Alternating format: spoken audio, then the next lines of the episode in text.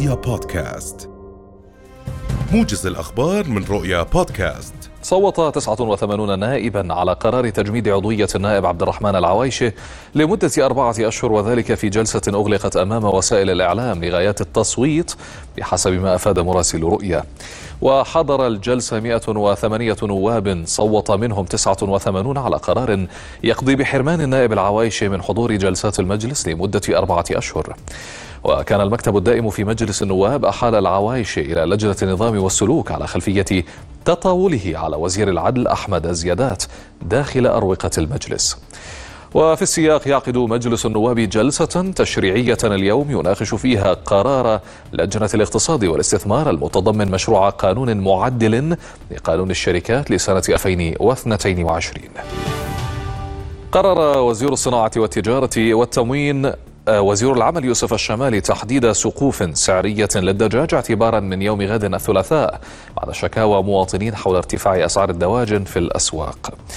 وحددت الوزارة سعر الدجاج الحي للنتفات من باب المزرعة بدينار وخمسة وأربعين قرشا للكيلو وللتوزيع دينار ونصف للمستهلك بدينار وخمسة وستين قرشا. كما تم تحديد سعر توزيع الدجاج الطازج بدينار وتسعين قرشا للمستهلك أو عفوا وللمستهلك بدينارين.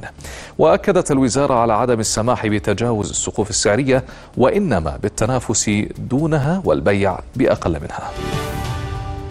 زار رئيس الوزراء الدكتور بشر الخصاون اليوم المؤسستين العسكرية والمدنية في منطقة المقابلين بالعاصمة عمان بهدف تفقد توافر السلع الغذائية قبل شهر رمضان المبارك.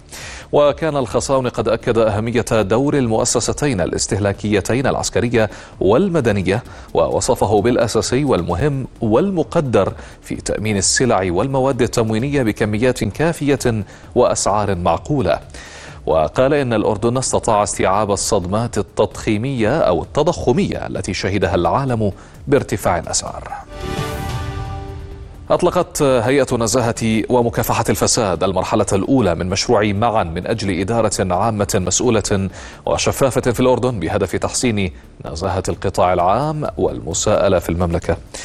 رئيس مجلس الهيئة الدكتور مهند حجازي بين أن المشروع يسهم في تحسين أداء القطاع العام والاستجابة إلى احتياجات المواطنين.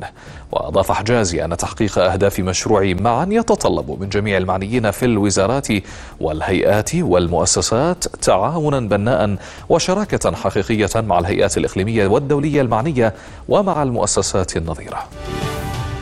تنهي وزارة الأشغال العامة والإسكان اليوم أعمال مشروع تقاطع الإرسال في العاصمة عمان والذي أطلق عليه ميدان الملك سلمان بن عبد العزيز. وسيفتتح النفق الذي يربط شارع القدس بطريق أبو بكر الصديق بالاتجاهين وسيفتح تقاطع الإرسال بشكل كامل أمام حركة السير. وقالت الوزارة في بيان أن المشروع سيسهم في تجويد الخدمات المقدمة في المنطقة بما يسهم في انسيابية الحركة المرورية والحد من الازدحامات المرورية في المنطقة.